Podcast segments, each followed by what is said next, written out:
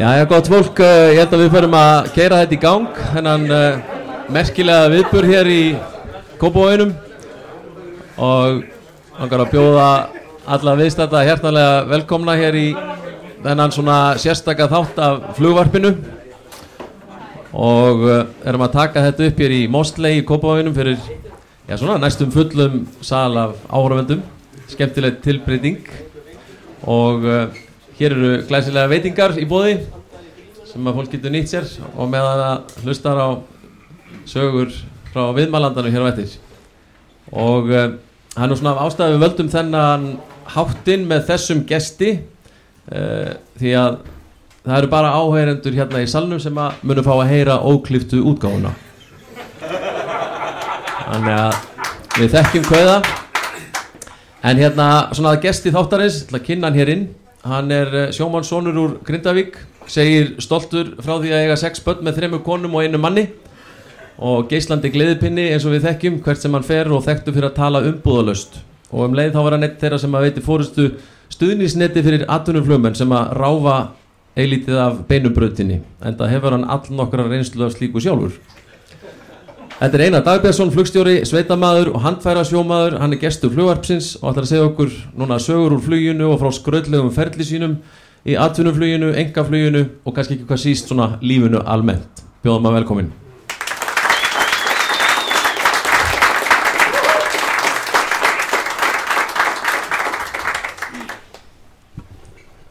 Góða kvöldi. Mættur í sófan. Það heyrist ekkert yfir núna. Nei, og fáum við hljóman. Fallfaran heill í þessu? Jó. Það má engum munið þessu. Það er hitt í gatið. Þannig, Einar. Halló. Ægir, háttu tengdur. Gekki þetta er flott. Takk fyrir fallega ingang. Verður það góður. Hvernig líst þér á þetta? Ertu, ertu, Ég- ertu meira stressaði núna heldur en fyrir síðasta simma? Uh, já, það er svona öðruvísi samt aldrei. Má, má ég byrja því að spyrja þig einna spurningar? Ert hef ég aldrei lent í, í þessum þáttum mínum en ok, já, kottum með það. það liggur ljóst fyrir að þetta verður aðeins öðruvísi en sko, þú ert búin að gera held ég hátt í 60 podcast. Aha, og nú er ég komin hérna eins og margir aðri góðir. Og hér er allt fullt af mjög skrítnum andlitum. Þau eru ótrúlega nálagt mér. Og flestir eru með vítisvökkum djöfulsins við hönd og það er svo kallar sóli eða bara mannanskýtsglótt á þeim auðvitað er ég aldrei stressað akkurat, það er, það er við því að búast. Já. En ég held að þetta er nú allt vinir, sko, það er ákveðin ást í loftinu samt, finnst mér. Jú, Við- jú, svona á- á- á- Vænt um þykja, er það ekki? jú, jú. Herru, en hérna, ég nefndi hérna Simman svona til að byrja einhver staðar. Já, Svona ég, ég er nýbúinn Út nýbúinn, já. Já. Er, þetta álag að fara í Simman? Já, já, það er dálítið stundum svona en maður er ekkert, uh, já, maður finnur alltaf smá hund, sko. Já. Og ég veit að bara gegnum stóðin, þetta er verulega erfitt fyrir suma og ég er með þess að komi þrejum fjórum aðalum bara í aðstóð, fínir fljúarar en bara skítrættir við prófið. Það er svolítið. Já, mér fannst þetta erfitt fyrst ándið en núna bara, já, maður þarf að ta- sína þessu virðingu og undirbúa sig og þetta gengur yfirleitt ágjörlega en ég hef alveg átt mína slæmdaga líka. eins og aldrei eiga Já, já, þetta er svolítið hérna þetta er náttúrulega heilmikið álag getur verið að taka próf tvisur á ári já, svona sanna hefni sína já, þess vegna erum við líka reytuð aldrei mikið álagstarf, er það ekki rétt? Já. En hvernig gengur þetta að læra svona til dæmis hérna svo kallan SOP Standard Operating Procedures uh, bara svona forvitið Það gengur alveg þokkalega. Sjáðu nú svipina. já, já, já, það er svona mætti halda þeir trúið er ekki alveg einhvern Ég, ég er alveg þokkalegur í sóknum. já, ég trúið þessu En það er náttúrulega dálítið tíða breytingar og ég er fann að eldast og ég þarf minn tíma. Já, já. En sko, þú manst nú allavega þann tíma líka það sem að var ekkit SOP til Hvernig, en menn flugu samt Já, já, og, og hvernig gekk þetta? þetta gekk fínt. Nei, þetta er betra svona. Það er betra svona Já, já, þetta er nöðsynlegt. af, af, af svona, af svona tveimur scenari og myndur kjósa þetta eins og þetta er í dag Já, þetta er okay. miklu betra Það var einn, einn góður sem sagði við mig sko að tæki cirka ára að læra á flugvélina en þrjú ára að læra á alla flugstjóruna hitt í den Jú, þannig um svona einhverja sér tíktúr Já, já. Það Alla, ég man þetta einu góðu sem ég viss að maður viss aldrei þegar maður finnir í take-off position hvort maður væri flying pilot eða monitoring pilot. Ég veit hvernig þú ert að tala um. Já, Lesu sem minning hans. Sko. Herðu, en hérna, ætlum að tala meir um flugið svona eftir. Já. Nú ætlum við að fara svona aðeins í svona upprunnan Þú ert sjómannssonur eins og ég kynnti þetta í náðan úr Grindavík. Já, Stoltur Grindjáni, þú segir sjálfur. Já, Hvernig var að alast upp í, í Grindavík? það var bara frábært Nóg að gera Ég man að ef maður veiktist þá, þá maður bara liðið valla af yfir því að komst ekki út að leika, það voru mikli leikir Við lögðum vegi, vorum með flotta bíla og lögðum vegi út um all hraun og móa og það voru kofabyggðir, bara heilu þorpin. Við seildum bátum, byggum okkur til eh, báta úr olíu, jættul tunnum en, en svona olíubrúsum og dróðum þetta með kjöl og öllu. Mm. Það var alltaf nóg að gera sko. Óbúslega gaman í minningunni. Þú ert sennilega einn af þeir sem hefur fundið upp á ímsu Það var ímislegt, við þurftum að stela efni í kofana og jú, jú, það var, það var alltaf nóg að gera. Já, Við gefum leiki, fallið spýtan og, og alls sko, það var bara alltaf partí sko, gaman. verður þið margir vinir hana? Kalla það. Já, já, og síðan þegar við vorum áttur eða svona bestu vinirnir eru nú svona kannski svona við höfðum vinir svona 15-16 ára byrjaðar að fá okkur í glas og eldast við stelpur og áttum alveg frábær 4-5 ár sko. Svo vorum við allir að tvístrast og menn þá stoppuðum við veiðiklub og, og við heldum vinskapnum daldið í gegnum veiðiklubin Já, já, að því við vorum allir að drifta daldið í sundur. Mhm. vorum fimm neta, NAS þeir vildu reynda að kalla það NASA netajakstara sunnan aðalega. Og, og þetta var en við vorum fimm en tveir eru fallin frá.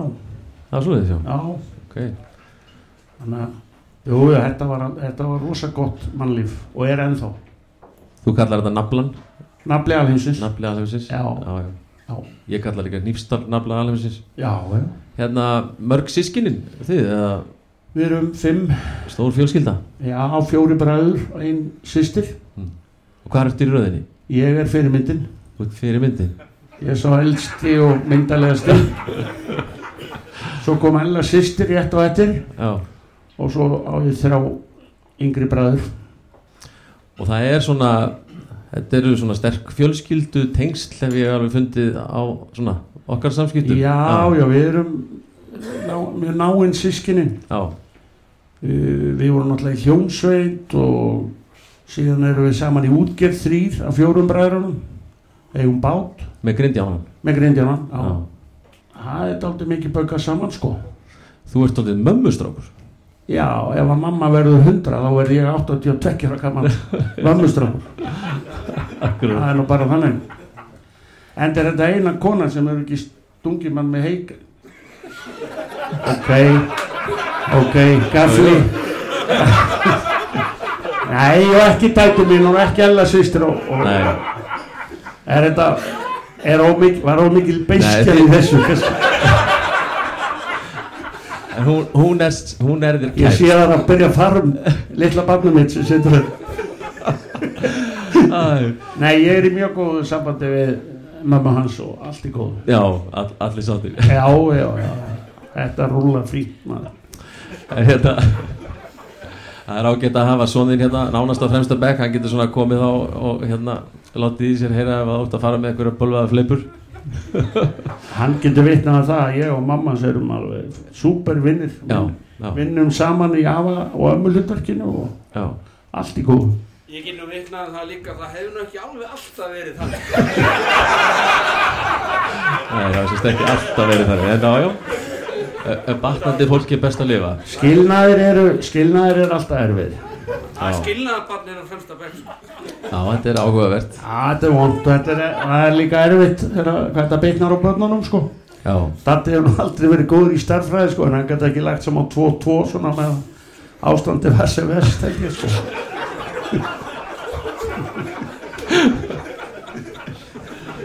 En hérna En ertu búin að skilja oft? Nei, bara einu sinni. Já, Ég, ger ekki sömu mistökjum tvis akkurat. En hérna um, Við erum búin að tala um Grindavík og þessi tengst svona.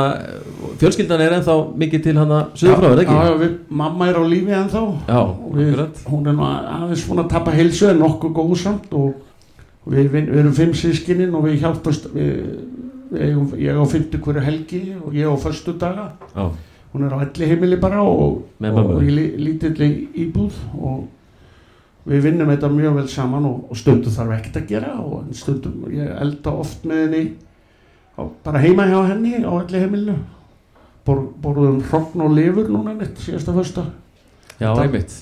Signa grásleipu, þetta er aldrei í þeim. Já, ég man eftir að þú varst að fara að kaupa hérna þegar við vorum að tala saman fyrir viku síðan cirka eða eitthvað svo leiðis Já, þetta er bara, já, það er góð samvinna svona og, og hún er ofsalega jákvæð bara, heilsan hefur, hún, ef hún er ekki með verki þá bara brosir hún til London sko. Bara, ég var einmitt að segja við bræðvinni, ég ætla, þetta að hreinja á manni sjálfum, þá ætla ég að reyna að vera eins og hún, horfa á björstu leðna sko. Taka políun á þetta Já, já, En hérna, sko þó að það verið gaman að í Grindavík og svo leiðis, þá varstu sendur í sveit, ekki satt? jú, Hvert fórstu í sveit? ég fór nú fyrst í þrjárveikur sjö ára gamall í, í fljósliðina Mm -hmm. og ég er nú með sumarhúsum mitt þar núna. Svo fór ég nýjára gamall e, í Skagafjörðin alveg heilt sumar. E, en ég vildi nú helst vera bara út í af og ömmu, mamma mín er það Já, já. En svo var ég þrjú sumar á Seljavöldum það sem gamla fjallasundlegin er og er alltaf í góðu sambandi við það fólk síðan. 11, 12 og 13 pappi var með svona búndadrauma sko og var alltaf með rollur og hesta og þetta var einhver sér, sérmi í þessu hjá honum og, en maður hafði bara mjög gott að þessu þetta var mikil vinna og bara allt gott um það að segja. Varstu settur strax á vélarnar hann sem krakki? uh, ég var ekki á traktornum 11 ára held ég á Seljavöldum en 12 ára. Já, og það var svona gullrótunum að fá mig aftur. Og maður var keirandi 12 ára gamall á setur frá seljavöllum upp á, skó, upp á skóasand það var ábyggilega hinskapnum á, á, sem var þá stærsta tún á Íslandi og bara á þjóðveginum og þetta þótt, þetta var bara eðlegt maður hafði gott að þessu. Já. Já. Komist lýsalust frá þessu? já, ég var einu sinni næst í búin að velta traktátum og Greta Bondu sagði þú segir ekki orð við mömmu. Akkurat. Munaði litlu einu sinni en þetta slapp Það er alltaf tengsl við Grímsey ennþá líka. Já, já. Ferðu, ferðu oft á það? Já, það þetta aldrei síðan núna. Ég, í gegnum árin hef ég mjög oft farið og flóið á þittsvílunum Það en það, það eru eiginlega flestir afkomendur mínir eh, nei, frændfólki mitt flutt til Grindavíkur. Það er hálf grímseg komið þangað eiginlega sko. Já, ég og einn frænda hana og við þurfum að fara að kíkja þetta minn. Heils upp á frænda. Það er ljóma vel. Hérna, mér langar að þú segir okkur aðeins frá hérna þegar þú svona, ert á unglingsárum settur á, já bara til sjós á, á, á skipi. Hvað hérna, svona hvernig vildi það til og á hvaða skipi og hvernig gekk þetta Já, þetta var náttúrulega maður eiginlega hugsa ekki um þetta en maður bara held að maður er í sjómaður. Já, það var æðislegt sko, ég fór á halvan hlut í norðursjóin mamma var nú ekkit svona rosalega hrifin sko. Hvað ertu gammal þannig? 14, Já, nýfemdur. Og ég lofaði að ég myndi ekki smakka það því þeir drukku allir um þetta var mikið gleðiskip og aflaskip. Við, við vorum ég var 14 og svo var færing, færiðsku strákur. Pappans var þetta borð Jónsteinn og við vorum hérna saman eitt, upp á eitt hlut. Skil. Og lendum í miklum æfinturum fórum í slip í Æmjuten sem er hérna rétti Amstam Já, stýri var að detta dallinum þeir fylltu einhverja tvo oljutang af, af uh, smigli útgerðin átti held í helmingin og en ég var náttúrulega ekki í því. Nei, nei. Ég var bara, þarna sá ég fyrsta skipti svona já og ég vildi bara vera í spilakössum og við fengum vasapenninga vorum í viku í Amsterdam. Damskver þetta var blómlegt mannlíf þar.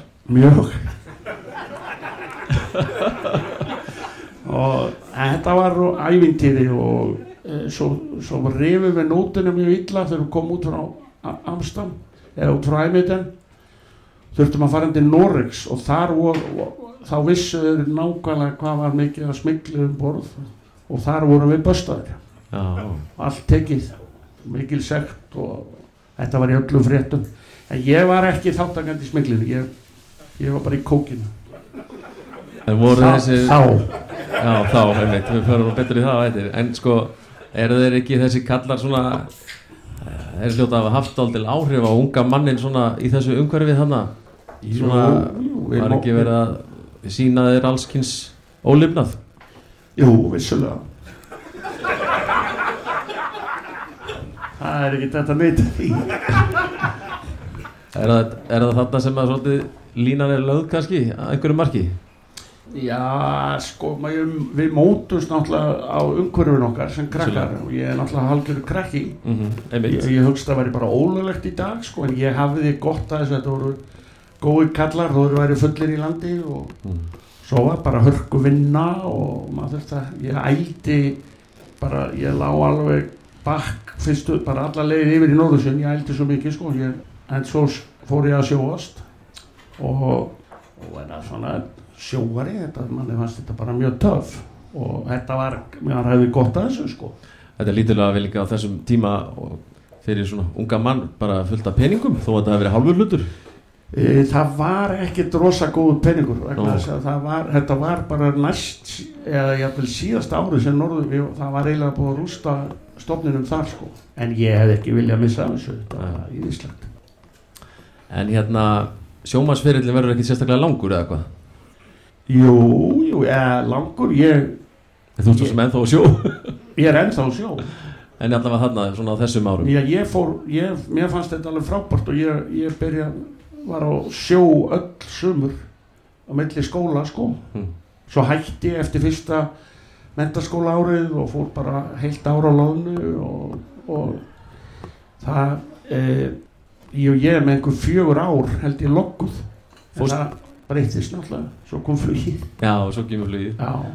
En þú varst í fjölbreyt þarna á söðunum sem eitthvað? Já, það var fyrsta árið sem að fjölbrytaskóli Suðunisæðir þá, þá samanniðust sem sagt öll Suðunisin og við fórum með rútu og ég, mér fannst þetta leiðilegt ég hafði engan áhuga á náminu og að hættum jólin um, en svona ég gerði það fyrir mömmu að, að klára fyrsta árið en fór þá beint á grindviking á, á loðnu og síld og, og haf, en svona eftir eitt og hálft ár þá fór maður að hugsa að maður ætti nú kannski eitthvað, eitthvað þetta upp.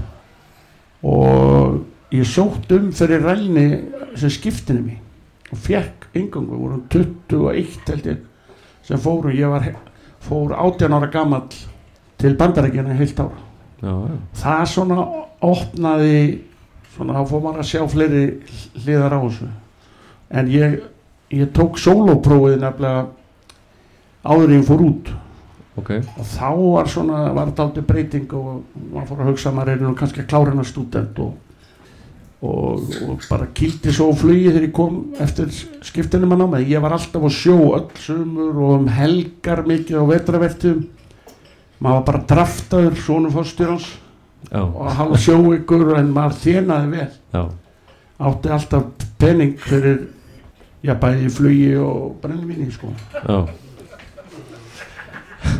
En sko, hvernig svona verkast það að þú svona ferð í flugið, veist, var alltaf mikill áhugi einhvern Já, veginn? ég hafði alltaf rosa á, mikinn áhuga á flugvilum sko. Og ég man eftir einhvern tíma fekk ég fullt af mótulum sendt frá frængu minni frá Ameríku. Og mamma var að verða brjálu því ég var límandi mótel átti flugvilabók fjölva ég þekkt, ég var með rosalega áhuga og ég held að hann hafi kveiknat aldrei því ég fór alltaf á sumrin með og ég man eftir ég að fara með DC-3 til Akureyrar. Og svo Patsin hjá Norðurflugi. Já, og þetta var alltaf highlightið þetta að að komast í flugvill og ég hafði rosalega áhuga en einhvern veginn ég var ekkert fann að eiginlega hugsa með ég ætlaði að verða flugumar því það var alltaf sagt að þýðir ekkert það er eng, enga vinn að hafa. Já, bara var ekkert að gerast, minnur það var ekkert að gerast. Þetta er hvenar? Ég tek sólóið 77 og, kem, og byrja svo bara fullu höstu 78 þegar ég kem frá Ameríku. Og tek enga flugmannin með þarna þriðju önnunni höstið og byrja svo á fluglegabrautinni þá var hún í Keflavík. Þá var ég alveg áður ákveðin að klára þetta sko og, og svona var fann að hugsa að það er best að taka stúdentinn bara. Af því þá var líka, þú fjast ekki vinnunum og væri stúdent, en ég var ekkit ég, var, ég hugsi ég hafi verið orðin flug ég var orðin flugkennari sko 82 22, þá fóð maður að hugsa þetta er nú kannski möguleiki sko. Já, en það hafði ekki verið í rauninni stór ráning í 20 ár. Allan, all, allt mitt líf sko. Svo kemur fyrsta stóra ráningin 84 ok. Og þá fóru hlutin að gerast á En fram að því ert að kenna sér flug. Já, ég kendi tæpa 700 tíma og kynnist konunni minni mamma hans. Já, og hérna já, bara kýli á þetta klára stúdendin og byrjar að búa og allt að gerast. að já, já. Og 2004 ég sótt um 84 en ég átti eftir helling í stúdendin og var ekkert stressaður yfir því en 24. april 1985 þá fæðist hann og ég fó beint að fæðingadeildinni á tvinnóttin áskið hjá Jóni Grímsinni sem var tekkar og kennari í- hjá Arnarflug innanðans þá var fyrsta vinnan svona alvöru vinnan og fía samningur og Allt í standi. Þarna fór allt á stað sko. Þannig að Þetta er stór dagur á mörgu leiði mjög, Til hafa ekki með það. Þakkaði fyrir. Og hvað hérna ferðu síðan á, ferðu á tvinnóttirinn? já, tvinnóttir og ég var komið nóg mikinn tíma því ég var á fj- á 402 Já, Cessna 402 þetta var alveg opbúslega skemmtilegt þetta er aldrei töff við flugum áallunarfluga á, á Rif, Stikisóm Flateri, Suðreri Gjögur, Holmavík Blöndós og Siglufjörn og fullt af leiðuflugi og þetta, þetta var aldrei töff en hrikalega gaman. Eh, einhverjar góða sögur úr, úr þessari operation sem það átt? Þetta var bara alveg rosalega skemmtilegt og maður var bara trúði alltaf, maður væri fann að fá borga fyrir þetta sko. Já, að því og ég segi, ég einhvern veginn já, þegar ég er orðin flugkennar svona, já, kannski er þetta möguleiki. Ég einhvern veginn bjó mig undir að vera ekki að svekja mig, sko. Og já, þetta var bara ævintýri, gaman. Cessna 402 er nú ekki svona þekkt fyrir mikinn performance Það, nei, ekki þegar hún var orðin full hlaðin já ég meina það. Það var stundum blóðbræði munni og ráki brók. Já, og maður hugsaði, maður hugsaði stundum það er eins gott að bila ekkert núna við vorum þungir og alltaf, löglegir en en en, en það voru slappar þungar. Já. og ísing og, og það var einn og gekk mótorinn alltaf? Mótorarnir, báðir? Nei, ég misti, ég misti einu sinni mót, fyrsta skipti sem missi mótor það var á Rifi. Fyrsta nætuflugið en sem betur fer var ég bara með einhver 100 kíló á loðinu sínum. Og, en þetta var svona þetta, þetta er haustið. Já, þetta var svona alvöru nætuflug að byrja. Og leiði drega eftir flutta, flutta inn þá byrjaði ég að hósta. Og það var ekkert annað að gera en að snúa bara við og gera hringin og lenda og ég, ég var pínlítið hot and high og flatt spottaði á blá endanum en sprengdi ekki. Okay. er sprengt þarna. Allt í góðu sko. En þetta var þetta er alltaf smá panik sem sækir að manni en þetta gekk allt upp. Já, já, mótoran ónýtur getum við ímyndað með það fyrir hérna svona tildulega, já unga flugmann að Já. lendi þessu einn í myrkri eitthvað staðar? Já, já, það var töff. En hérna, svo fástu mann eftir því að fórstu á, á hérna, tvinnóttir hjá Erni, eða kannski líka fleiri vilar á já, Ísafjörði ég, sko, ég, ég held vinnun alveg eitt og hálft ár hjá Arnaflugi mm. þeir sett okkur sem lótmaster á 707 það var mjög flott ég fór niður til Líbíu. Og lótmaster á 7.707 þetta var mjög flott í Arnaflugi þeir vildi bara fara að búa okkur undir þóttu heiminn. En svo kom einhvern ég misti djópið haustið 86 og það var svona veröld því þá er stór ráðning hjá Æslandir önnur stór. Og það var rosalega svekkjand að fá ekki vinnu þá sko. góðir félagar fóru þarna ég veit Þorgir Haralds og Skúli Smára og fleiri. En ég fór á já. reynda að þjenaði meir en þeir það, það var alltaf erfiðar og erfiðar að fara í hanskar eftir því sem maður misti djópið ofta sko. en góða tekjur og náttúrulega fjölskyldumæður og börnin á leiðinni en ákvað svo um vorið að fara aft, fa, elda Jóni til Harðar og Ísafjörðu var heilt ár Ernir Já. það var alveg frábært og er enni góðu sambandi við það fólk indislegt fólk og fljúa hann eins og á þeim tíma postflýð og sjúkraflug og Já. alls konar Já, og hann er maður líka farin að e, svona, já, það er vanur þessu og fyrstu mánuðina var stundum sko, byrju, er ég að ganga langt núna sko, Mm. einn er ég að, þetta orðið um mikið sko mm. það var alltaf alltaf erfitt að læra það einn en e, þetta bara gekk vel voru þeir ekki ágætis mentorar þessi kallar hann einmitt eins og Jón Ívars og Hörður og... já, frábær. Bæði Arnaflögi og, og hjá Hernir. Mann lærði mikið. Var það ekki fyrir vestan sem þú fegst fuggl í gegnum gluggan hjá þér? Jú, fekk hann í hausinn. Fegstu, fuggl í hausinn í flugulni Já. ok, ég segði okkur aðeins hvað hva, og hvernig gerist þetta? Ég og Raggi Haugs vorum bara í post Við fórum alltaf bara í 500 fetum eða það var láskið sko. já, og hoppuðum á mitt alla staðina. Við vorum að koma inn Patræsfjörðin og vorum svona að vera þvert að tálknanum. Þá segir Rag- Raggi var í vinstra sætinu ef ekki skipti yfir á Egil. Var ekki Egil á Patró? Jú. jú, og ég begi minn yfir þess að maður þurfti að snúa takkanum úr úr interkom yfir í Radio 1 já, og leið sé ég fugglin og ég man að hann var í krapp, krappri vinstri beigju og hann svona kom blóðgaði mig aðeins hérna og svo var bara ég var bara svona fyrir sprenging aftast í vilni við vorum á 180 nútum minni mig er örið hérna sem ég sé e e- eftir þetta Nei, þetta er bara-. Þetta er bara ég. Nei, nei, þetta var bara smá skeina. Ok, En ef ég hefði fengið hann beint í andlitið já, þá hefði ég nú sannlega getað meitt mér aldrei já Þetta var óþægilegt. Skal trúa því. Já, Það en þegar það er ekki rétti að vera að beigja mig eftir kveikjaranum að ég var að kveikja mér síkar það er ekki rétt. En, en sagan er betri þannig. Einmitt. Að reykingarnar hafi bjargað.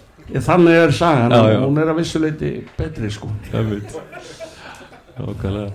En hérna, svo eftir hennar tíma fyrir vestan, hann færði sérst aftur eða ekki til Arnar jú, jú, þá var búið að reys að svona Arnarflug komið á lappir aftur og, mm. og svona einhver vonum vonum að uh, komast á þóttu Já, það gekk upp uh, voruð 89 þá fær, fær ég kemst ég á þóttu á hérna stórkonsluðu 737 þá eða? 737 200 Já, og hún var sko power maskina með að við 402 já. Skal trúa því. Og hvert var flóið? uh, hjá Arnarvegi Mm. við flugum á Zúrik og Amsterdam var nú aðvöldurinn eitthvað neyra á Spán. Það var alveg helling að gera á einhverja fleiri stæði, mann man, man ekki alveg. Nei. En þitt næsta stopp Það er síðan Er Atlanta Og ég fæ eiginlega vinnuna bara um leið og Arnarflug fór á hausinn þá, fer ég til Atlanta því að þjóðar þóttan svo kallaða sem var kombivél uh, hún fór yfir til Atlanta. Atlanta var búið að vera hérna í 2-3 ár með 737 fyrir Finner Cargo og hérna stækkar Atlanta rauninu um helming. Þannig að ég misti jobbið mjög stutt í rauninni og já, ég held að verið hausti 91 Og hvað ertu með base hjá Atlanta? fyrstu tvö árin eða fyrsta árið allavega vorum við aðal í Helsingi en svo vorum við líka mikið í Köln uh, við vorum með ja, London fyrst vorum að fljúa, vorum beisar í London en svo bættust við tvær gamla 737 sem voru höskitaðar þá vorum við aðal í Köln Og hvaða verkefni er þetta? Hvert er verið að fljúa og svo leiðis? Þetta var, Finnir var að fljúa nokkra staði, Dusseldorf og Stockholm og fullt af stöðum sko og ég man nú ekki alveg hvaðan vorum að fljúa út úr London, jú yfir á Frankfurt og einhverjum fleiri staði, en allt kargo Allt kargo, já. já, já, já. Þarna eignastu marga góða vinni er það ekki? Eða svona jú, sem hafa verið samferðamenninir síðan? í, já það má segja það við höldum alltaf sambandi við eðum og, og drekkum kaffi og spjöllum og erum vinnir, Já, mjög góður vinnir eða sko Atlanta fer að tótn út er það ekki 93 já, þá þá bætastu tvær velar neyri Túnis. Ég held þetta sé sama sumar og fyrstu þrjár, sjö, fjóra, sjöðnar fara niður til Sátia þarna er, er Atlanta alveg að springa út bara. springa út já. og við vorum hérna sömari 93 nýri Túnis á fínu hóteli bara og flott laug og, og hérna og þannig eru þeir að koma þessi félagar. Við erum með spjallgrúpu hún heitir Drullusokkanar Ok, og eitthvað ástæða fyrir því? ég, þetta er bara mennsk, mennsk, mjög mennskir og, menn? og breyskir. En hver, hver öðrum skemmtilegri? Já, við það eru 30, þetta er akkurat 30 ár síðan. Og, vo- og þeir eru allir að, ég var nýjórinn kafteinn það var dálítið gaman að verða kafteinn 32 ára. Og strákarnir enn á fokkar sem ég fekk gæti allt þarna þremur árum á það var rosa, ga- þetta var ógeðslega skemmtilegu tími. Og við vorum þetta sömar í raunin að fljúa með evróska saumaklubba hvaðan efa að frá Evrópa þarna niður til say no more Og hverjir eru þessi samferðamenn? Það er Snægi, Haffi, Jón Reykjalín Geiði, P. Já, já. Mér, mér finnst við verðum að heyra sko Þarna Þú veist, viðunnefnið þeirra líka. Við nefnin Já, ja, Perrin, Mórin, Dónin, Refsarinn. Það var nú að litlust sem ég fekk hvað fegst þú?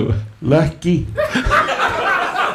Það það litlust sko með að við það sem þeir fengu. Það eru, það eru mjög skemmtilega sögurnar. Hvernig fengu nöfnin? En við skulum við þurfum að klippa það hvort þau eru úr þannig að ég skal segja það bara setna Aha, Eh, getum við ekki fengið bara stutt útgáfuna núna? Nei, Æja, það sjáum til og eftir. Á eftir. En hérna Þannig að þið hefur verið þarna svona upp á eitthvað besta í svona kvennafari og partistandi og svona. Geiri var alltaf að segja þegar hún hjá Namibíðum daginn að við we were doing the three things we love to do fly, drink and what was the third one? Hann kynnti okkur nonna Reykjalín alltaf þannig þegar vorum á Lodson að í Namibíu. Já, Já, þetta var ótrúlega skemmtilegt að vera konur við erum náttúrulega konungir já, á þóttu út um alla Evrópu þetta var algjört ævintýri Hvernig var að vera inn í Túnis? það var fínt. Það var ótrúlega gaman sko. En hérna, vélarna til dæmis, þú veist. Já, Þetta er nú kannski ekkit svona með að við í dag neitt svona stórkostlegu búnaður í þessum vélum eða hvað? Þetta voru bara víórar og Já, en það voru að koma Lóran og INS ég var náttúrulega INS síðan nei IRS það var nú í þeim sko. En þetta var bara klukkumælar og, og arka og átbánd og innbánd þetta var bara mjög skemmtilegt. Hérna, þú ert þarna flugstjóri 32 ára. Fi, Já. Finnur þú sko svona, segja, svona fluglega er að kikka inn svona að þú hafir haft aldrei reynslu úr einanlagsfluginu sem þú kemur með þarna í farterskinu já þarna fannst mér þarna fannst mér innanlands reynslan þegar ég verð flugstjóri svona ungur mm. með góða menn með mér sko en þá, það var ekkert mál og ég þakka þetta aldrei innanlandsfluginu sko Akkurat. þetta var bara auðveldar að eitthvað var En hérna, svo er nú þannig hjá Atlanta þarna á þessum tíma, það er svona stundum leiguflug frá Íslandi sem þið já tækjum já, og hérna það er sérstaklega eh, hérna frækt eitt flug sem þú átt þar sem að á sama tíma var flughátt í Múlakoti. Já, og þú, það er flugtak frá Keflavík er það ekki? já. Ál, áleiðis einhvert og hérna og, og hlustendur og aðri getur náttúrulega bara farið inn á YouTube og fundið þetta myndbrot undir Einar Dagbjörnsson eða vilja en hérna hann var önnur saga. En hérna segð okkur aðeins frá þessu þetta er svolítið svona skemmtilegt hvernig þetta verkast allt saman. Já, málið var það að ég hitti Gunnar í Gunnar hérna sem var formað knastbundufélags Akranes Gunni Bakari kallaður fr- frábær kall. Og hann var vinur pappa og var svona við þur vorum bara bara hann í sturtunni eftir bláalónu og ég held að ég var nú skilinn þarna og, og hann var að skilja og við töluðum ítla konur eitthvað og, og svo bara skiljaði ég kveðinu til pappa en hann var að segja mér að væri að fara með Atlanta daginn eftir. Tvö fótboltalið að fara til Írlands já, það væri gaman að vera þessum ég er í frí, svo bara ringdu kvöldur getur þú farið? Mm. já, já, ég held það nú. Og reynir einas við vorum að fljúa fyrsta skiptið þarna saman. Og reynir kemur einar það er verið að byggja okkur um að gera láflug það er Vestlandamarhelgin verið að byggja okkur um að gera lá- láflug yfir uh, múlakund og það hefur alltaf týrkast sko. Þannig að það reynir sem á, á kollgátuna þannig já, algjörlega. Okay. en en en Addu var að koma á vilni Já. og hann ætlaði að gera láta aflöðana en komst ekki niður. Hann vildi ekki fara að gera eitthvað endi bíu og eitthvað. En við, það var fínt skegni en allskeið og við bara spurjum Addu hvort, hvort það sé verið að beða okkur um að gera láflugu yfir múlakot og bara eitthvað fótboltabullur og bara restlið og, Já. og já eins og mynd verður bara ekki á grúur segir Addu segir þú og ég, við brífum þetta við freyðin og það verður svona öðruvísi ræða. Þetta var FH og Skæin og ræðan var sem því miður fór aldrei út í lofti en ég man að ég sagði svona að því við höfðum unnið FH þarna rétt áður. Ég held að við höfum ekki unnið á síðan. Og ég eitthvað sagði við byrjum nú á því að að renna flugtækt til suðus og við rennum hérna yfir mekka fótboltans á Íslandi í dag Grindavík, þetta er nú fyrir ykkur erfáðingar og ég held svona dálítið óhefðbundna ræðu og ég þekkti nokkra hérna og Akranes og F og í fótbolta þetta er bara festlið og bladamenn og svo er rúlað í loftu og náttúrulega bara dreigði strax af og hjól hreinsað upp og, og það var það sem buggaði með dálítið sko það var ábyggilega orðið já, hámark þúsund þetta skíhæð það hefði dreigið fyrir aðeins Já. Og ég er hann í einhverjum 800-900 fettum yfir bænum og með fulla 737 og þetta er svona að gera ákvæmna beigju því við gerðum láflug yfir Reykjavík. Já, þau byrjaði því. Já já já. Og við heldum bara farþegarnir var allir að deyja úr hamingju, bara sjónflug þetta er rán dýrt og bara vera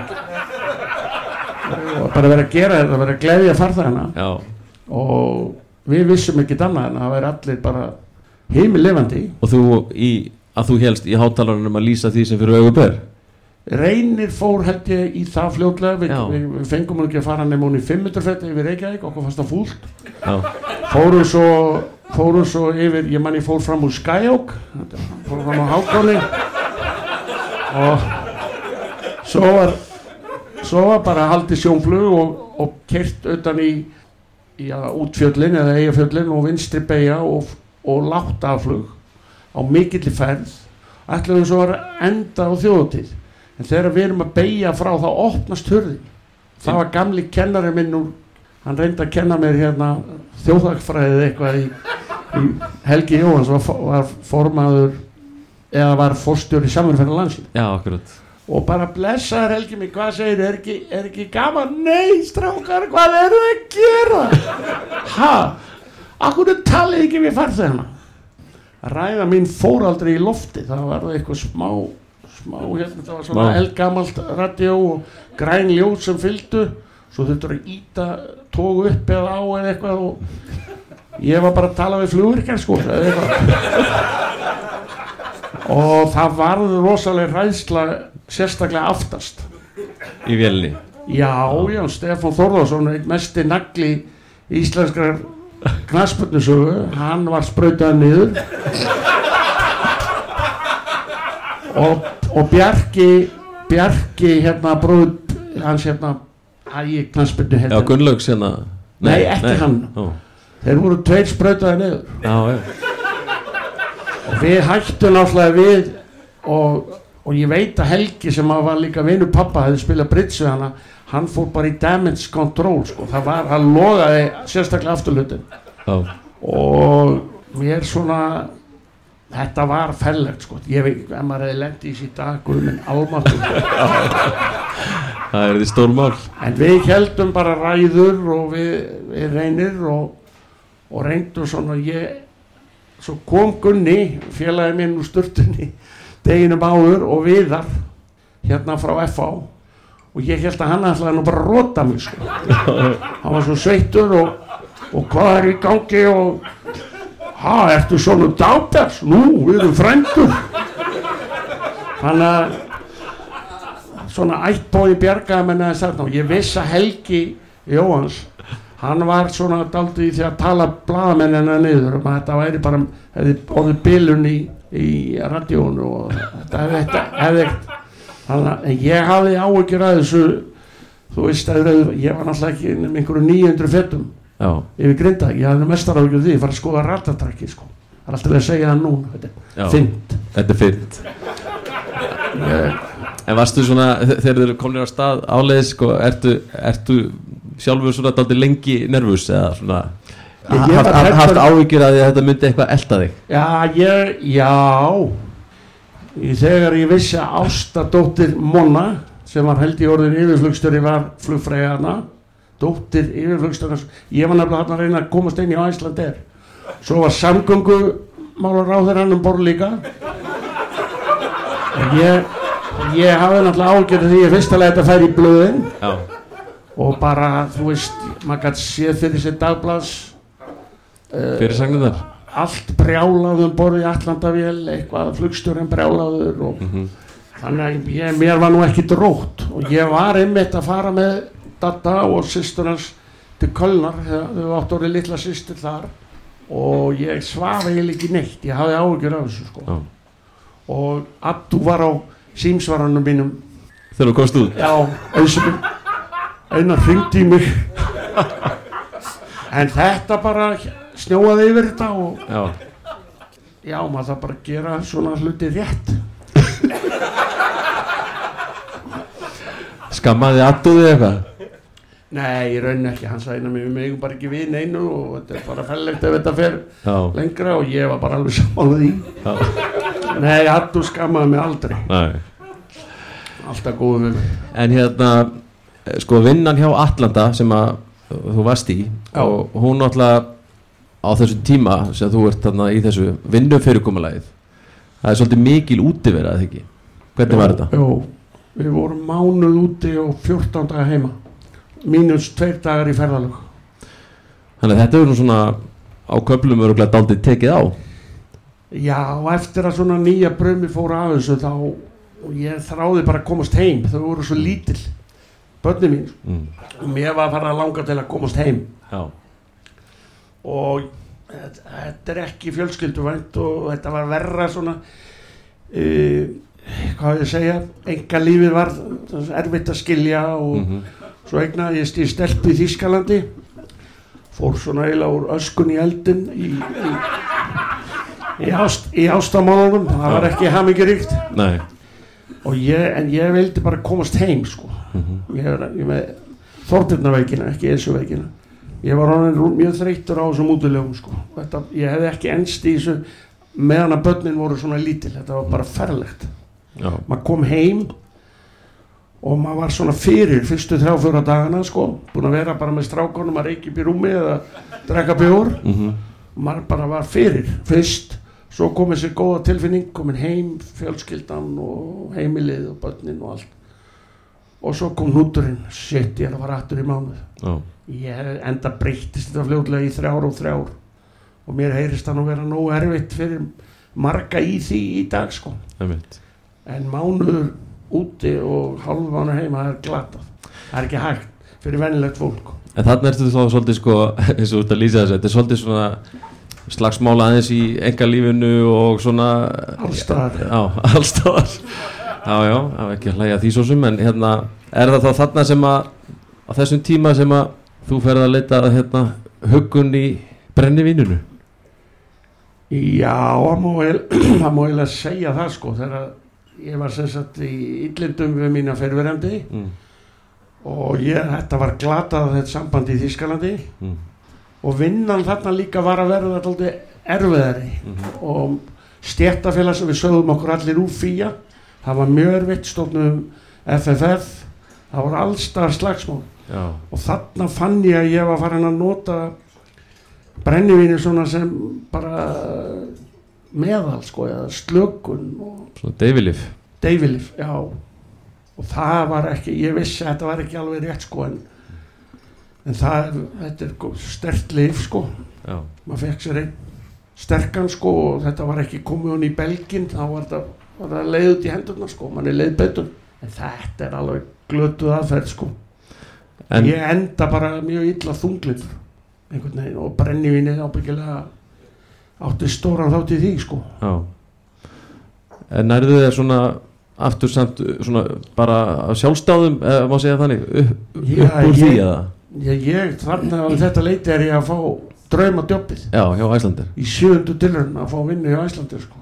alveg svart þunglindur sko. ég efast ég efast um ég hefði meikað það ef það hefði ekki verið fyrir Þorgir Haraldsson vinnu minn sko. hann bara dró mig í gegnum þetta sko. en það fór það var líka lækning að finna ég gætt flögið og, og það var að sigrast á því og allir nýju þjálfunin og nýtt fyrirtæki það hjálpaði mig líka að yfirvinna þetta sko. mm -hmm. En þarna 35-6 ára gammal hefði ég átt að hætta að drekka sko. En Ég tók bara einhverja þryggja mánu á pásu.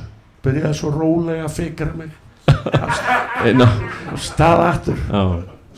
En hérna, þarna er svona þessi, eins og lýsir í svona aðsti draumurinn að rætast að komast í þessa vinnu Já, hérna heima ég var bara, já, eða sko, ég bara vera heima, mm. ég bjó rétt hjá bönnunum, þau gott að laupið yfir og ég þetta bara eitthvað íslenskt með þeim og hjálpaði þeim í skólanum og þetta var, ég var hamingjusamast í kóar á allasafinu sko. Mm. og hefði verið það til svona 55 held ég. Því, að því ég var vinna við það sem ég þótti og náttúrulega 757 geggjuð og allt það og Já, þú ferð beint á hana. Ég fór beint á hana. Við fórum, þarna er mikla ráningar að gerast og við fórum þrýr ég, Viktor og Byggi Blandum, þessu minning hans. Mm. við fórum beint á 757 Allir menn með fyrri þóttur reynslu eða hvað? Já, Já. já, við komum allir frá Allanda Og þú siglir enn um á Boeing 757 Já. Ef að ég næja að klára sko ég var nú bara réttur um tvö ára eftir þá get ég sagt að ég hef verið 29 ári á Æslandi Mm. og allan tíman á 757, 767 Já, Mér finnst að bója ég að gefa mér svona brefpoka með dollurum, það hefur ekki verið eitt krónu. Ekki eitt krónu í einhverja crosscheckana hjá mér sko. Það er rétt Þessu komið hér með á framfæri. Þess að ég er að koma á framfæri. En þetta er vélinn alltaf æðisleg sko. Já, tekum undir það. Uh, En sko, svo við klárum nú svona þessi brennivinsmál þetta er svona þetta er meðreiðar sveitt þarna hjá þér daldið langan tíma. Takk 30 ár. Bakkus. Ég, hérna, þú ferði í er ekki rétt sjá mér leifi frá Æslandir 2005 bara til þess að fara í meðferð? Já ég er rauninni Já, já, já. en þá, eins og þú varst að lýsa svo á þann þá, þú svona fikrar inn á þessa kannski svona myrkuslóð aftur. Já, og er þá þarna bara orðið svartnætti bara? Já. Og þunglindi eiginlega vestnaði bara þegar ég hætti að drekka. Ég áttaði mig á því að ég var orðið þunglindur aftur. Ég ætlaði aldrei að lenda á þeim ógeðslega stað. Mm. en það og ég man alltaf þetta læknirinn sem var með mig í fyrraskipti hann sagði myndu það að flestir lendi í þessu aftur en ég let mér ekki segjast. Og ég kenni brennivininu bara um sko. Mm. það er byggilega ein aðal ástæð fyrir því að mér hefur gengið vel að vera bara eitthvað sko. Mér langar aldrei í aftur Nei, og ég er að vera búin að vera eitthvað í átján ár. Já, vel gert. Þetta er þetta lítur að hafa tekið rosalega á. Já, og líka bara, ég segi þannig bara mað, það, það þarf daldinn svona karakter að fara veist, í gegnum þetta allt og koma tilbaka og, og allt það. Hlýtur að vera. Já. Er ekki svolítið erfitt bara sko, takast á við eigin Djöfla? Já, og fordóma og hvað það vil kalla það? Jú, jú, jú ég, og mínir eigin fordómar voru slæmir að sko ég var alveg klára því ég var eini og fyrsti flugmar í öllum heiminu sem var í þunglindur sko. Já, og það dró mig rosalega niður sem þetta er ekkert annað en eigin fordómar sko. en ég held að út af þessu er ég beðin um að fara í stóðnefnd Maggi Friðriks og Jón Péturs. Báðu við það? Báðum um það. Miðlega af reynslunni? Já, Og sko, hvernig, þú veist, kemst út úr þessu með bara uh, hérna ráðgjöf og svoleiðis eða þurfti lif til og svoleiðis ég, ég fór á þunglindislif ég flög ekkert í 6-7 mánuði held ég, ég var bara veikur. Já, en ótrúlega backup frá Hilmari og, Þor, eða frá og Þorgeri báðum. Já, og ég held að við getum allir verið saman um það. Ef eitthvað bjátar á eitthvað veikindi þá er Æsland er æðislegt fyrirtæki það Mm. vilja stiðja okkur. Og ég var reyndar ég held ég hef verið búin að vera tvisa veikur, tvo daga fyrsta átta árin sko. Og ég, og ég meina meðan að ég syngdi börnunum og vinnunni þá var ekki það sko. En svo voru börnin ekki hjá mér og engin vinna og þá var ég komin í rugglið sko. Já. Þannig að það var ekki alveg svona einfalt. Og það er þannig í dag að þó að menn lendi í einhverju svona, þú veist, menn geta náð sér upp og, þú, og það er meira segja þannig að með ákveðin lif og svona, það má fljúa. Já, Er þetta er, orðið, þetta er alltaf að þróa sko, Já. nú, nú mega flugmenn fljúa ákveðnum gelum Já, en það, þetta er ekkit hugbreytandi þetta er bara, það vantar kannski bara vantar kannski serotonin og meina heilaskullagnar verða þunglindir og eru bara að lifjum það er bara allt í góðu með það. Og þetta er alltaf að mjagast í rétt átt held ég. Akkurat. En hérna, það má segja líka þú veist svona, þú ert búin að backupið frá fyrirtækinu, þú ert líka búin að endurgelda það þú ert búin að vera að síðan. já, já, ég, svo enda ég sem formaðstofnendar og og ég er náttúrulega græði mest á þessu sjálfur í rauninni. Það er alltaf frábært að maður getur hjálpað einhverjum. Og aðalega hef ég bara verið tengilegur ef að mann lendi í einhverju vesinni mm, að koma þeim í aðstóð og svo hefur þetta bara verið að að, ví, að vísu ef það eru brennivísmál þá get ég sem, þá hefur verið aldrei vinna að reyna að tala menn til og ofsalega gaman þegar það gengur vel. En það er bara eins og einn amaður sagði við mig sko, hann sagðist ekki geta hann væri ekki í etrun en hann væri að spónsa og hjálpa öðrum. Ég hef ekkert verið að því en ég geta hálfpartinn spónsa stundum og ég græði mest á því sjálfur sko ef maður getur hjálpað einhverjum sko allt í trúnaði, svo hefur þetta bara verið að þróast, nú er þetta peer support komið og við erum komið fleiri. Þetta, ég held að þetta sé nokkuð gott í okkur sko. Já, svona kerfi í kringum svona Já.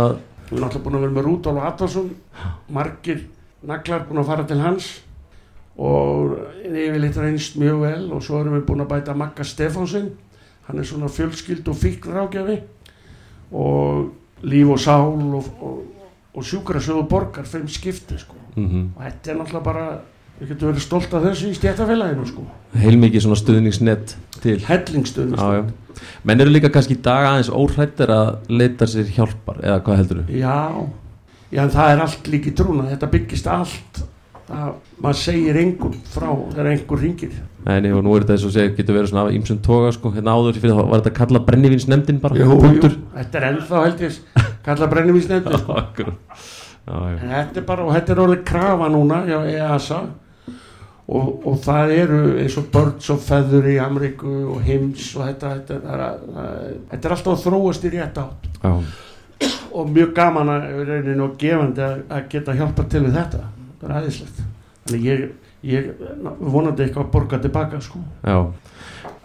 Hérna, Einar, það er búin að vera rosa mikil breyting bara í e, samfélagin okkar á síðustu árum í tengslu við það sem að kalla hefur verið Me Too bylgjan.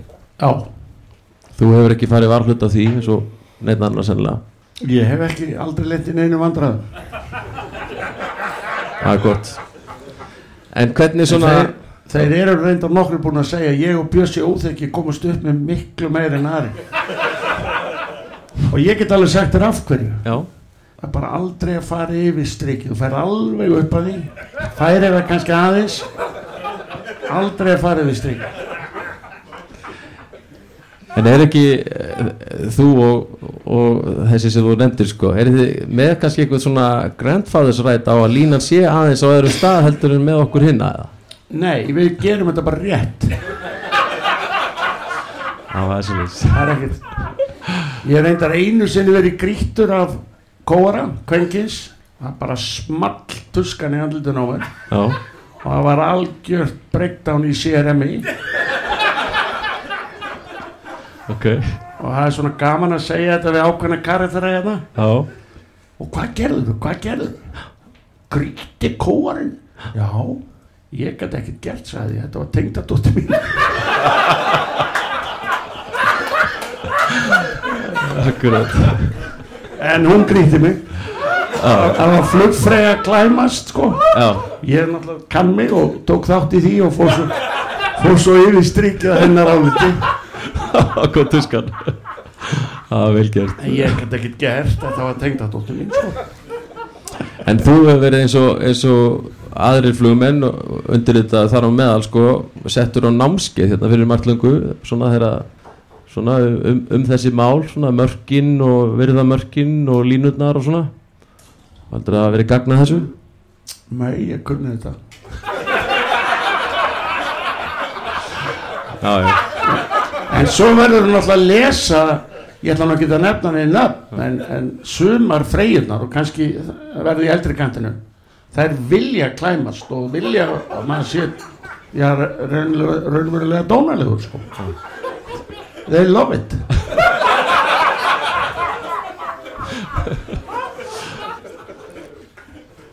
Við vorum að tala um hérna áðan uh, flugið fyrir flugfélag Erni á Ísafirði. Já, og eh, manað hérna þegar vorum að hittast hérna í aðdraganda þessa hittings í kvöld þá, þá spurði ég hvort þú er einhvern tímann orðið hrættur í flugi og þá, ba, Já, þá fórstu já. að hugsa með einhver túr þar getur þú satt á græðins frá því? já, ég held ég væri búin að drepa mig Okay. ég var að fljúa allaði sjónflug frá e, Egilstöðum allaði að fara að Fagradalinn niður uh, Reyðafjörð út hann og næsti fjörður var uh, Foskursfjörður ef ég maður rétt og ég er hann bara orðin reyndur í innanlandsfluginu og allt gekk vel og var búin að vera að fara hann nokkra túra áður. Á hvaða flugvel ertu? ég er sem betur fer á Astig Tur Turbo Astig mjög, mjög góð vel Mm -hmm. og þegar ég var með sagt, eigendur af, af uh, tóðarannu Páli Pálssoni á Nýfstall, þínum stað Jú, jú. þeir voru að skoða það var verið að byrja að breyta þessum japansku tóðarum ég var búin að fara þrjá svona túrir komst aldrei nema á Eilstað, þeir tóku bara bílalegu bíl ég beið. Svo var einn túr í viðbót og það var bara austverða þokan. Ég lendi á Eilstum og svo sá ég að var aðeins að vera að byrta svo ringir einn og ég var nú á sjó á þessum tóðar ég þekkti og var, fór þrjá túra þarna. Tveimur, nei sjórum áður það var mjög gaman. Og hann segi, kottu við sjáum þú sólar. Kottu bara sagt okkur og ég segi við líki bara koma, koma á bílnum? Þetta er bara, nei nei, kottu ok, og ég legg bara stað og ég þekkti ekkert austfyrðina eins og vestfyrðina Nei. ef við vorum eitthvað tæpir í sjónfluginu þá var bara gefið í og upp í skí og það alltaf komin upp fyrir hæstu hindrum og bara fórst á blindflug. Við höfum það til vara sko maður reyndi alltaf að fara styrstu leið og heiðarnar og eða út fyrir. En ef þú varst eitthvað tæpur og leist ekki þá gæst alltaf búlað upp og komin í safe allt út. Þrjúðust fetrumlega Já, við vestan á Ástu góður. þarna treyst en ég sem sagt bara átta mig allt inn á því ég, að það er hún, hún, hún svona smá hækkar fagri dalurinn svo sé ég bara að þetta er lokað. Og ég var náttúrulega ekki nógu vakandi og ég gæti ekki snúið við. Og þetta var alveg bara óhugulegt sko. Ég, ég gaf allt í bótt setti headingböggið á réttastefnu út tilbaka. Og ég fór fram úr bíl held ég svona, ég veit ekki 1-200 fettum og sett hann svo bara á instrument. Þar til hún var alveg að stóla sparka rödder, gerði bara hamrett í skýjum og ég kom út úr þessu svona utan í hlýðinni og mætti bílnum í 50 fettum þetta var, þetta var mjög slæmt. Já, og þú veist ég hefði verið tutt, korter 20 mínútur en klukkutími að fara upp á djúpavóa minni mig gera lettan þar. Þetta var algjört rugl. Já, Jónas Jónasson útastmaður hann fullirt að það hefði verið framliðinir með mér í vilni þeir hefðu bjargað því sem bjarga varð hann var mikill spiritisti. Einhverju verið þetta sem að passaði upp á kallin já það var eitthvað. Já, þetta hefur sloppið svona bara rétt svo. Þetta var mjög, þetta er það versta sem ég lendi í. Það er hérna, já, Lucky segir einhverju já hann var ég sko lökki Já, akkurat. En Geiri P. hann eiðilaði þetta aldrei það nafn. Hann fór að, ég var alltaf að selja skelbrott humar svona fyrir vinnufélaga og pappi var í útgerðarna hann fór að kalla mig Lucky Lobster. Þá fór svona sjarmurinn af því nafnið aldrei helvisku melurinn. En hérna, það hefði ekki verið gott ef þetta hefði farið illa þarna hjá þér. Er, nei, er þetta ekki líka tildulla, sko, eh, hvað ára er þetta? 87, svo er það ekki? Nei, þetta er 88 88 einhvern Þannig alveg að það- voruð minni mig. 86 segir mann rétt sem að hann sem er þessi slís hjá Erni einmitt. Já, að- ég, það fannst mörgum það mjög skrítið að ég skildi elda Jón og fara hérna vestur eftir þessi tvö ræðilegu slís Mm. ég held ég hefði rústa fyrirtækinu sko. Já, það hefði orðið þriða, slísi sko. Mm en að mörguleiti var léttar að vera að fljúa þetta út frá Ísafjörði heldur en frá Reykjavík þegar það var jæljagangur og annað -hmm. við skutust oft á milli og þetta var svona já, tók á Hvað séð, er einhverja spurningar hérna í salnum? Einhverjir sem að, með eitthvað, sérstætt? Hvað með hérna, hérna fótboltaleiki Grindavík og Lópas á 757 þarna kargóvílinni? Lópass á 757, Cargo Það er ekki eitthvað. og var tóm Hún var tóm Jó, þá var hringt, þá var monitor, þá var monitorsystemi byrjað. Já, og það var, við vorum í fallbaróttu Grindavík sem sagt. Já, ok. Og við vorum bara tveir á vilni og ég gerði svona eins og ég þorði en hún fór eitthvað augnablík í 2G eða eitthvað þegar ég púlaði út úr því. En ég man að þetta við náðum að jafna leikin eftir þetta var bara í hálfleik en þarna var mónitorungin komin í gang og það bípaði allt. Þorki, vinnu minn og yfirflugstjörnuna já, já, ég skal, ég skal sjá um þetta. Og við þurftum að fara niður og skoða þetta allt. Og ég man að hún fannst það ekki fyndir ég segi, djúvel er þetta vel flóið það var, var ómikill hallið eitthvað þarna augnablik og þá, þá bara klingaði. Já þannig ég þurfti að svara fyrir það Við vorum að, hérna, í upphæfa nefna líka engaflugi Þú ert svolítið virkur í engaflugin alltaf já, Flugklubnum þitt Já. Og held ég sé ekki að lasta nettið segja að þú fljúir einna mest allra þar já, svona í gegnum árin já, Hver er svona uppáhaldsvélin í engafluginu hjá þér? Cessna 180 Já Já, það er allar með svona sinn karakter. Mér fannst rosalega gaman að Pipercup. Ég sakna hennar.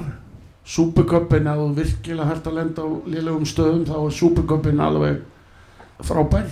Ef þú ert að fara með barnabötnin, þá er 170 æðisleg. Þetta er allt frábæra vilar. Þetta er æðislegu klúpur. Hver er formaður þetta? Nei. Akkurat Allt í Það er fjölskyldinni svo gaman að fljúa á Íslandi. Ég, voða- ég held að vera komið þrjúðust tíma á single. Já, vel gert Já. Svo þú bara minn helsti tekkari í klubnum Jú, jú.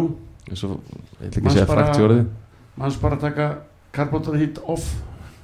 Ákveðnum mannaveringum Já, vilt þú ekki segja þessu sögu? Svona, there I was. Þú, there I was. Teka, var að teka Jóabát út á Supercup og ég sagði ekki að lúpinni þú varst, þú varst til í það. Já, já. Ég bara treysti mínu manni. En við glemdum karbótar hít á en það var allt í leið Já, hún gerði það samt. En ég man að þú sagðir eitthvað svona eitthvað, þegar þú voru svona verða konir efst þá sagðir eitthvað, helvít er hún eitthvað léleg? Já, En já, já, svo sáum við þetta við vorum búinir Herrið, en þú ert útgerðamaður í dag. Já má segja. Svona ásamt flugstjóra starfinu já, ég verða, ég vonast til að verða eiga 20 ára eftir sko, það er bara nýr karriér ég er að undirbúa nýjan karriér. Eftir flugið? Já, já, ég á bara rúm 2 ára eftir og það þýr ekkert að leggjast á, í fóstuterninguna sko. Ertu með stórplön? Nei, nei, þetta er nú Við erum búin að eiga bát Öruglega yfir 20 ár. Byrjuðum með litlan flugfisk úr, sem við keftum að frænda mínum úr Grínsey Mm. Svo stækkuðum við okkur keftum okkur sóma og svo byrjaði náttúrulega strandveginn fyrir hvað 12 ára held ég þá hefur þetta verið, þá fór þetta svona daldið annan plan. Og svo ákveðum við þrý bræðurnir að Geiri segir þetta hefur verið hostile takeover óvinnu eitt, við keftum alla út og tókum þetta aðeins föstar í tökum og erum búin að kaupa okkur núna um 11 tonna þoski og 4 tonna ufsa. Þannig að við getum verið að leika okkur aðeins fyrir utan strandviði tímanbili og þetta er komið smá alvar í þetta og þannig að við ætlum að fara að láta gera núna t-shirts sægreifar kvóta, kvótakongur þetta er svo, svo vinsætt titill. Sérstaklega hérna á Stórra í Gjögusæðinu þannig að ganga um í þessu. Já, já, þetta, þetta er ofsalega skemmtilegt og heilbritt þú ert búin að vera að fara líka hérna, þegar að vera hásettar hjá þér nokkri kollegar líka. Viktor og Snægi fórum með mér um daginn. Já, bara drullu segir. En það er öðruvísi CRM Snægi fór að tala með eitthvað hvort þið fengi einhvern pening þess að maður grjót halda kæfti og drullast þess að halda áfram að blóka Þetta var Var það byggðum dagpenninga eða Nei, bara við laun almennt bara? Já, þetta var góðu dagur við fiskuðum við 1600 kíló. Flögum ábyggilega 170-80 kíló. Þeir eiga alveg þosk núna bara í svoði já, já, já. Þetta er búbót sko. Og náður þú góður í sölu? Við seldum 1450 kíló fyrir 750 skall. Sko. það er algjör veistla núna í gangi sko. Mókfiskir í og svaka hátt fiskverð. Þannig að við erum bara að verða stórútgerð vinnum í því að verða stórútgerða menn eins og pappi var. Og það er bara aðeinslegt að vera að leika, dú- dúlla sér við þetta þegar maður hættir að fljúa sko. Já, mjög skemmtilegt. Svo þegar ég var kóari það var dálítið skemmtilegt ég var held ég einhverja fimm mánuði kóari í COVID sko. Búin að vera 17 á þá var maður að fljúa með gamlu drikkjufélagunum og svo sagði maður bara við hvað ertu búin að gera strákur? Nei fyrirgeðu þú ert kaftendi ég var náttúrulega kommandir í gær á grindjanunum og það er ekkert CRM fyrirgeðu mér fannst eh, kóara tími núna setni alveg rosalega skemmtilegur.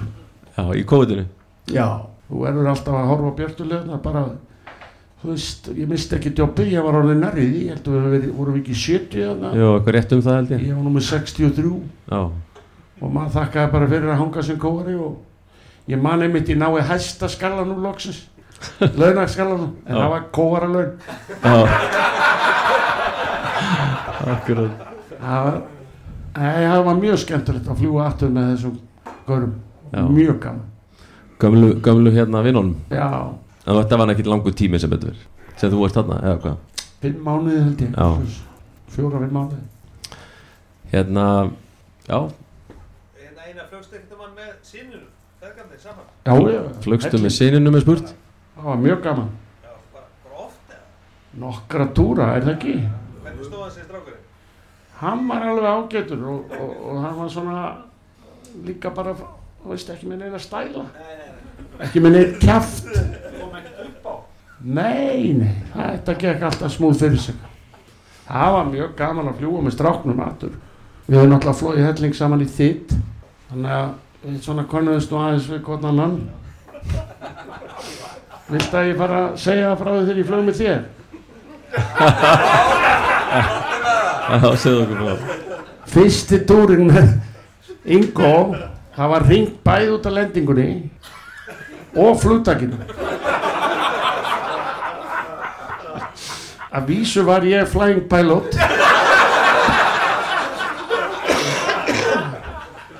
þetta var snarveitlust ef við lendum í hérna Ortex er það ekki á, hann var í París. já, Triple 7. Já, við fundum bara að við vorum inni að við vorum að byrja að rótara. Það var liði ekki alveg, við glemdum tveim mínútum og kontrollinu líka held ég. Já, við vorum eitthvað að reyna að flýta okkur, við vorum að vera seinir og vittlust veður heima. En svo þetta var þegar, þegar brautin var 1800 metra munni við þurfum að fara við krossin gerðum ernaf og mér minnir að það verið 140, 160 gráður 40, gost 55 og það svo var náttúrulega ringt Steini Kristleifs Ah. En að þú varst ekkert stabil nei, við hverju býstu það var Já, síðan hef ég helst ekki viljað fljúa með þessu manni sko. óheilla kráka nei, hann var flottur Já, Þú átti bæði sem sagt. Já, já, ég átti það, en ég hafa gott að geta sagt við, ég flýg aldrei með þér aftur. Það er lítið svipið. Við flugum aftur saman. Já, já, já, við flugum aftur saman. Það var uninventful. en hérna Er ennþá gaman að mæta í vinnuna í fluginu Já, mér finnst það gaman. Hvað er svona að horfa tilbaka, þú veist Svona skemmtilegasta og besta við flugið Stór spurning Það er bara svo gaman að fljúa. Maður er með flugdellu. Það eru forreytind að að fá borga fyrir að gera eitthvað sem manni finnst skemmtilegt. Þetta er bara búið að vera óbúslega skemmtilegt. Mikið að góðu fólki. Það er eitthvað að virka í þessu ráningaferðli á Æslandi er. Þetta er hver snillingurinn um annan þverjan. Og ég eins og eitt góð, maður tekur bara eitt semma fyrir einu. Allir, hvað, allir ekki fjóra eftir? einmitt Möndur þú vilja að það væri hærri, þú veist, eftirlauna aldurinn eða hvað maður að kalla þessi mörk 65 ára í dag? Möndur þú vilja, veist, að ef þú gætir flóið lengur og heilsan væri í lægi og? Ég, ég er bara búin að ákveða það þegar 60, þá ætla ég að vera kátur með það. Já, og ég meina nokkon út sko ef, að, ef maður nær þú veist, ferilinu á þess að lendi í einhverjum bömmir þá er, þá er það bara guð skjöf sko. Og þá er maður bara að vera þakkláttu fyrir það og svo bara snýði mér bara sjómennskunni og litlu vilum það verður bara gaman. Þetta er alltaf spurning um að hafa gaman því annars er svo leiðilegt þetta var djúft þetta var mjög djúft. Og sérðu þig svona, veist, á þessum tíma með bara þínu fólki og fjölskyldunni og, og svo leiðis eftir flugið? Já, já, já, múlagott Já.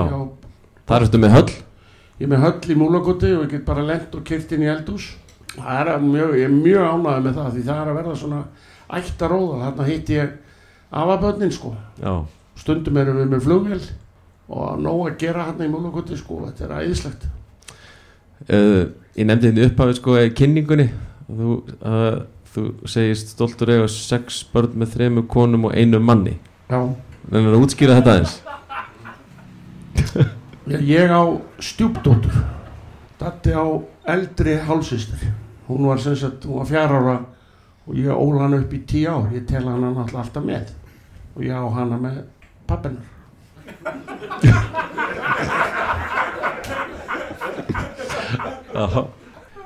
En er svona, er gott samband við alla? við allar, eða allar. Nákvæmlega, já bæði það er nú lítið samband við setni tvær barsmaðurnar það er mjög lítið. En engin leiðindi sko. En ég er í miklu samstarfið fyrir þetta eiginkonu sko. Allt í góð og ég hjálpa stað með það er áttunda barnabarni á leiðinni og allt í góð Þú nefndir að þú ert nýbúin í simmanum og hvað er svo næst á döfinni það er í fluginu? ég er að fara í fyrramálið niður til Afríku. Já, Cargo ætlum að fara ef við förum dettirnir á Casablanca fljúum svo á lögadaginn Casablanca, Burkina Faso Mali hérna og afturinn á Casablanca. Tökum svo held ég Casablanca Bamako, Lies þetta er ekki svona túr sem að menn gera á hverjum degi. Nei, þetta er bara 757 og 767 við erum bara í eindómum ævintyrum pólflug og það eru ringferðir svo er bara verulega kósi í þessa mánuðina sko. Er ekki ekkert stress. mikið álag? Nei, mætti vera meira sko. Er þetta, ef þú hugsað tilbaka sko, er þetta ákveða og þið langar að verða að fara í flugið þá er það svona kannski setur maður svona eitthvað svona ævintýra ljóma í hausin á sér? Mm. mögulega. Er þetta búið að uppfylla væntingar? já, já, ég vissi náttúrulega ekkert hvað ég var að fara út í. Þetta er búið að uppfylla ja, þetta er búið að vera yfirleitt mjög gaman. Þetta er þetta stundum töff og svona þetta er ekki bara jólin en, en heilt yfir já, mjög, mjög skemmtilegt. Það vantar mögulega, en menn er að tala um það núna sko, að nú er uppgangur svo mikill að það geti bara farið að vanta fólk. Já, myndur þú mæla með þessu fyrir fólk í dag? ég veit það ekki. Nei, ég er ekkert vissum ég myndi nenna þess í dag nei, hvers vegna ekki? ég var nú fylgjast með datarinn var í svo bóklega sko Já, Já, þetta er bara svo mikið, það er búið að flækja þetta svo mikið og þetta er svo mikla kröfur á alla kanta og jú, jú, hef, ég veist, ef þú ert með flugdellu þá, þá er það bara geðviki sem er ekki þetta sigrast á. þá stoppar það ekkert Þeir sem fari í gegnum þetta núna, þeir ljóta að hafa rosalega náha, myndi ég halda. Mm. Algjörlega Hvað segir áhörundur í sal? Er eitthvað, eitthvað fleira sem að munum dettur í hug? Þú varst einu sinni bensínlaus. Varst einu sinni bensílaus? Neða, annar tankurinn. Ertu að tala um með bróðinu? Já. Já Ég nöði þetta upp á stíflitaðsvaði Hann hafði eitthvað verið að hræði í takkanum og það bara steind og á ég hafði mjög lítið tíma og lendi bara á stíflitaðsvað það fór allt vel Á 180 Já, Byrni Páls Ef þetta var lent í flugslýsi? Sjóslýs. Það er flugslýsi fyrst. Hefur verið lent í Eh, Ég flugslýsi lendi bæði, já Flugslýsi Flugslýsi og sjóslýsi Ég, ég fór, fauk á baki einu sinni á, á sessnu 152 í Keflæk hann á milli yfir gömlu flugstöðuna En, en, en sjóslýsi? Já, ég lendi í strandi Var það ekki bara í sömu vikunni eða? Var það í sömu vikunni? Þá fekk ég lökkinafni Það var ekki í sömu vikunni Nei, nei, nei Ég var búinn að missa döpu í flugin og fór á uh, skúmin og endaði á baksíðu mokkans þökk sé frænda þínum. Þar með var lökkinafni komið. Algjörlega. Þeirðu, erum við þá búin að svona fara yfir sviðið bara Er það ekki? Til Eitthvað blóði sem- helsta. eitthvað sem við erum að gleyma? Nei, held ég ekki Það eru náttúrulega vissa sögur bara sem þól ekki dagsljósið. En það er það sem að ég held að einmitt sko það er ástæða fyrir það er fólk hér í salnum það vil fá að heyra eitthvað sem að sem fer Það er ekki, fer ekki lengra. Það verður bara face to face. Og hafa hérna sögustund á eftir að vera engar upptökugræður og Er það ekki? herra gegja, þá bara þakka ég öllum hérna viðstöndum fyrir bara gott ljóð og, og skemmtilega kvöldstund hérna í Mosli í Kópavóinum og einar takk hérna fyrir spjallið og að koma og segja frá aðeins. Mjög gaman. Látum þessu loki bara og þetta er næst, góða stundir